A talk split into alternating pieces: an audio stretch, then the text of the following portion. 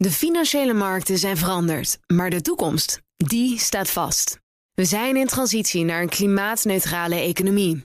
Dit biedt een van de grootste investeringskansen van onze generatie. Een kans voor u om mee te groeien met de klimaatoplossingen van morgen. Meer weten? Ga naar carbonequity.com. Carbon Equity. Do good by investing better. Een goedemorgen van het FD. Ik ben Luc van den Berg en het is maandag 24 april.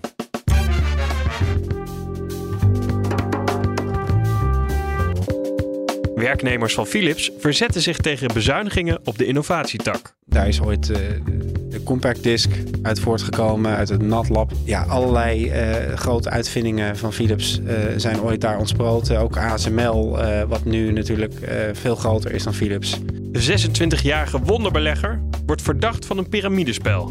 Waarom hij dan zo'n status heeft bereikt dat het hem is gelukt om tientallen miljoenen los te futselen bij waar wij achter zijn gekomen, toch gewoon een groep van richting de 100 vermogende mensen en ondernemers. Dat is eigenlijk bijna een raadsel. En rijke Nederlanders laten geld in box 2 staan om minder belasting te betalen. Dit is de dagkoers van het FD. De ondernemingsraad van Philips is het niet eens met de aankomende reorganisatie van het bedrijf. En dus stapt het naar de ondernemingskamer. Je hoort onderzoeksjournalist Johan Leupen hij vertelt wat de zorgen zijn van de medewerkers van Philips. Ik vang allerlei signalen op over de zorgen die ze zich maken over de verdienvermogen van Philips in de toekomst. Dus eigenlijk de pijplijn, de nieuwe ontwikkelingen uh, van, van producten, van diensten, de innovatiekracht van Philips. Daar maak ik ze ernstig zorgen over. Dat uh, gooien ze uh, niet het kind weg met het badwater. Want die innovatietak van Philips was natuurlijk lang wel heel succesvol. Ja, moet wel goed even in de tijd schetsen. Daar is ooit de compact disc uit voortgekomen. Uit het NatLab, wat, wat toen het nog een NatLab heette in, in, in Brainport uh, Eindhoven. Ja, allerlei uh, grote uitvindingen van Philips zijn ooit daar ontsproten. Ook ASML, wat nu natuurlijk veel groter is dan Philips, is ooit begonnen onder de vleugels van Philips. en, en in het NatLab heeft dat ook een deel van zijn ontstaansgeschiedenis. Dus kleeft ook heel veel emotie aan, uh, aan dit onderdeel van Philips. Maar inmiddels past het niet meer in de tijd, zegt uh, de nieuwe topman Roy Jacobs. En die moet ook harde keuzes maken, omdat het niet goed gaat. En er moet, uh, ja, moet heel veel geld bezuinigd worden. En deels, moet, moet, deels moet dat ook ten koste van de, de ontwikkelkant en de researchkant. En, en dus wat we vroeger het NatLab noemden. Om hoeveel banen gaat het dan die daarmee verdwijnen? Ja, het is niet precies duidelijk hoeveel R&D-banen er verdwijnen. Maar je kunt wel zien dat het merendeel van de, de pijn komt daar neer. Uh, ook in Nederland, in Eindhoven, omdat daar nou eenmaal uh, dat geconcentreerd is. Je hebt dus zeg maar een centrale R&D-tak die alleen maar dat doet. En dat geld wordt voor een belangrijk deel overgeheveld nu naar de, de business units. Dus de, de centrale, echt het R&D, uh, zuivere R&D-onderdeel, dat, dat houdt grotendeels op te bestaan. En heel veel budget ofwel het verdwijnt, ofwel het verschuift naar, naar andere onderdelen. En dat, ja, dat doet pijn. Dat, is, uh, dat veroorzaakt wel, uh, ophef binnen Philips. Nu is dus een stap naar de rechter aangekondigd van de ondernemingskamer. Ja. Wat verwachten zij dan dat die rechter gaat doen? Ja, dat is ook een beetje speculeren, moet ik eerlijk zeggen. Want wij hebben niet de ondernemingsraad gesproken in detail over wat precies wat, wat de bedoeling is. Maar je, moet wel constateren dat het hoog opgelopen is, de discussie, dat ze überhaupt zo'n stap zetten. Uh, dat is één. En ja, het wordt vaker gebruikt om druk te zetten op de directie. Uh, soms vanuit principiële overwegingen. Bijvoorbeeld om te zeggen dat ja, een reorganisatie apert onredelijk is, zo heet dat. en als je dat kunt onderbouwen, dan kun je zelfs als directie meemaken dat een rechter gewoon een streep zet door je reorganisatieplannen. Ik moet wel zeggen, dat, is, dat, is, dat gebeurt niet zomaar. Die toets is heel zwaar, dus dat zal een rechter niet zomaar doen. Maar in theorie behoort dat tot de mogelijkheden. Het zou het ook nog kunnen dat er ergens een, een middenweg wordt gevonden, dat er nog een akkoord tussen die twee partijen gevonden wordt voordat ze naar de rechter gaan? Ja, persoonlijk denk ik dat het, uh, dat, dat is ook wat experts zeggen, de, de kans dat er voor, voordien uh, een oplossing wordt bereikt is groter. Hè? Dus veel van die zaken die komen eerst op de rol te staan en verdwijnen dan weer. En dan is er een soort van uh, compromis bereikt. Ik denk ook dat dat hier zou kunnen gebeuren, heel goed. Maar je moet wel nagaan dat er, uh, je hoort ook geluiden binnen Philips over ja, toch wel hele principiële bezwaren dat innovatiekracht hier wordt geslachtofferd om wat kosten te besparen. En als, als ze dat uh, kunnen bewijzen voor de rechter, dan, dan, ja, dan, dan, dan, kan het nog lastig worden. Maar het kan dus net zo goed al zijn dat ze straks toch een akkoord bereiken en dat er wat een verzachting is van de, van de regulatieplannen en dat het toch weer verder kan. De Fiat heeft de 26-jarige Max R. gearresteerd op verdenking van beleggingsfraude. Er beloofde forse rendementen aan zijn klanten, maar hij wordt nu verdacht van het verduisteren van 26 miljoen euro. Onderzoeksjournalist Sonny Motke legt uit hoe hij te werk ging. Hij was eigenlijk een, een, een soort wonderbelegger die zich in uh, goede kringen bewoog. Uh, hij presenteerde zich op een gegeven moment eerst naar vrienden en familie in eigen netwerk als een goede belegger met een achtergrond uh, bij Bing Bank, waar hij ooit zou hebben gewerkt. en dat hij dus met de inleg van een tonnetje, vanaf een tonnetje, dat hij daar fijne rendementen op kon maken door te beleggen in aandelen, obligaties, maar ook risicovolle opties. En dat deed hij dan, zei hij, op basis van macro-economische indicatoren. Eigenlijk gewoon vooral op basis van nieuws, zou je kunnen zeggen. Dat is eigenlijk niet zo heel vernieuwend. Waarom hij dan zo'n status heeft bereikt dat het hem is gelukt om tientallen miljoenen los te futselen bij waar wij achter zijn gekomen, toch wel een groep van richting de 100 vermogende mensen en ondernemers. Dat is eigenlijk bijna een raadsel. Wat wij horen is, hij heeft geen groot bekend track record. Maar hij had dus een hele goede babbel. Mensen geloofden hem. We hebben twee of drie vermogende, echt vermogende ondernemers gesproken.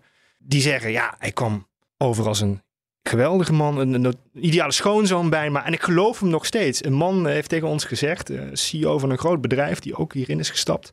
Ja, als uh, Max morgen opnieuw belt en hij komt uit de bak en hij doet meer hetzelfde verhaal, hetzelfde voor, dan zou ik het zo weer doen. Maar het meest bizarre aan dit verhaal, het is een jongen van amper 26 jaar. Ja, en jij zegt van hij zei dat hij voor Bing Bank onder andere had gewerkt. Klopte dat? Had hij zoveel ervaring met beleggen? Hij heeft bij Bing Bank gewerkt. Dat, die, die, die bevestiging hebben we gekregen van uh, Saxo, de opvolger van Bing Bank. Maar, en het letterlijke citaat is, Max R. heeft een paar maanden part-time als student op de klantenservice gewerkt.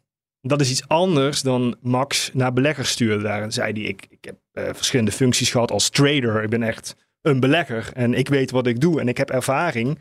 En zo heb ik een portefeuille van 35 miljoen opgebouwd, zei hij vorig jaar zomer. Ja, het is duidelijk een leugenaar. En hoe is hij dan precies door de mand gevallen? Wat er bij potentiële Ponzi-schemes kan gebeuren, als hiervan sprake is, is uh, als te snel, te veel mensen tegelijkertijd hun geld gaan terugvragen, dat je natuurlijk in problemen komt. Want ja, je moet ene gat met andere vullen. En de gedupeerden die wij spraken, die hadden al eind vorig jaar uh, grote moeite om hun inleg terug te krijgen. Want dat mochten ze wel ten alle tijde vragen. Sommigen hebben ook delen teruggekregen. Maar op een gegeven moment stokte het met betalingen. En dan kregen gedupeerden ook van uh, Max te horen. Ja, er zijn uh, wachtrijen met betalingen. Uh, er is een boekenonderzoek gaande. Je moet nog even wachten. En het meest brisante was, ja, de bank wil meer informatie hebben over deze toch wel substantiële betalingen van en naar een 26-jarige jongen en zijn bedrijf. Kun je even additionele informatie geven? En dan was het advies wat Max gaf aan beleggers. zeg even dat het een privélening is, van, van mij naar jou of vice versa dan komt het wel goed. Ja, zeer gewiekst. Probeert er onderuit te komen. Het lukte niet. Uh, er is ook een rechtszaak aangespannen, zijn wij achtergekomen van in ieder geval twee beleggers die meer dan een miljoen euro terug willen hebben. En ja, daaruit blijkt gewoon uh, dat in de loop van uh, het eerste kwartaal dit jaar op een gegeven moment gewoon helemaal niet meer werd gereageerd op summaties aan Max. En dat het gewoon, ja, het kaartenhuis was ingestort. Gelijktijdig hebben ongeveer banken ook melding gemaakt van, ja, dus rare transacties. En daar is de autoriteit financiële markten ook nog bij in het vizier gekomen. Die hebben ook melding gemaakt van, hey, hier is iemand eigenlijk uh, bezig vermogensbeheerdertje te spelen terwijl hij helemaal geen vergunning heeft. En dat allemaal bij elkaar heeft ervoor gezorgd dat uh, de Fiat heeft ingegrepen en, en, Max twee weken geleden van zijn bed heeft gelicht samen met zijn vriendin die ook verdacht is. Hebben we een idee wat er dan met dat geld gebeurd is? Heeft hij dat inderdaad belegd? Waar is dat heen gegaan? Dat is de grote vraag. Ik, heb nog geen zelf nog geen bewijs daarvan gezien in de stukken die wij hebben. Wat de FIOD wel uh, heeft meegedeeld, uh, aan het Openbaar Ministerie dus, is dat er uh, sterke vermoedens zijn dat heel veel geld is opgegaan aan een zeer luxueuze levensstijl. Rijke Nederlanders schuiven hun vermogen van box 3 naar box 2 om minder belasting te betalen. Dat blijkt uit een interne memo van het ministerie van Financiën, die belastingredacteur Laurens Berendsen al heeft ingezien.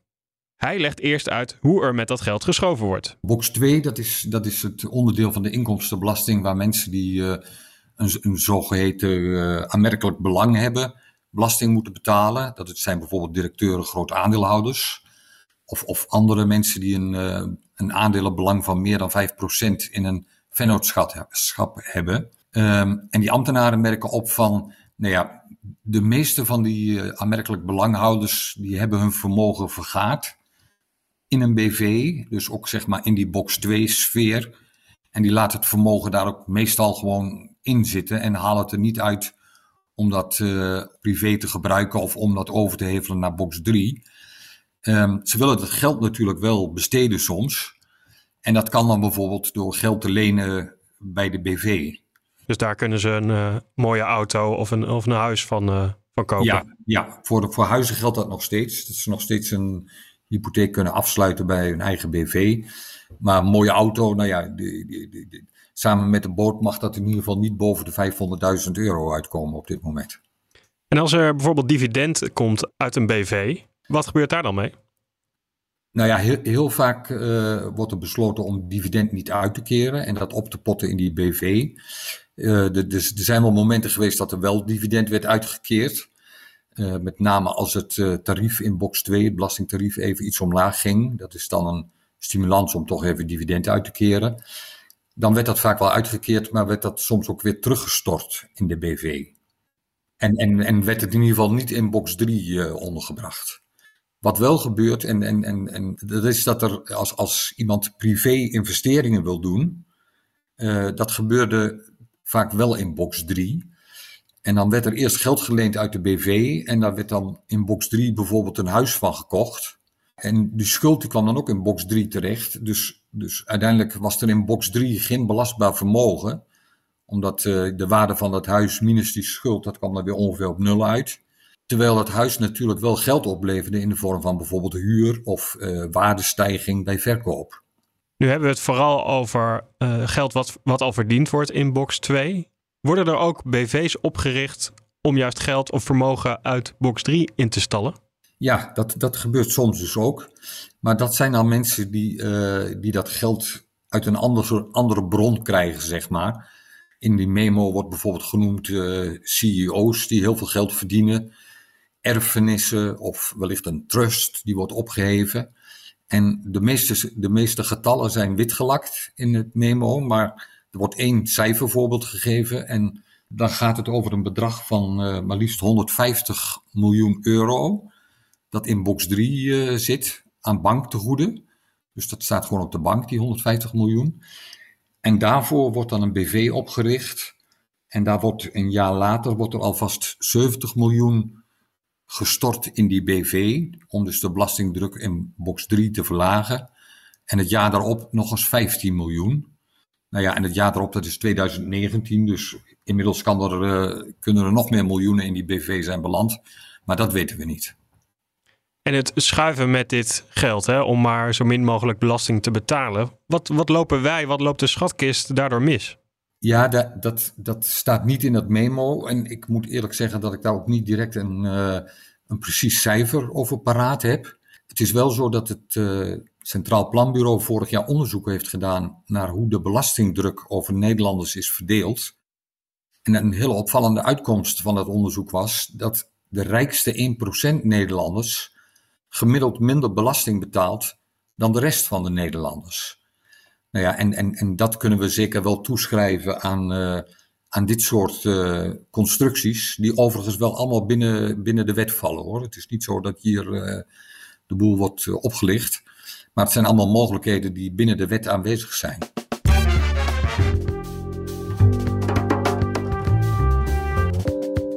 Dit was de dagkoers van het FD. Morgen zijn we er weer met een nieuwe aflevering. En vanaf dinsdag 2 mei kun je luisteren naar nieuwe afleveringen van onze podcastserie Achter gesloten deuren. Waarin dit keer de grote beloften van finfluencers worden ontrafeld. Voor nu nog een hele fijne dag en graag tot morgen.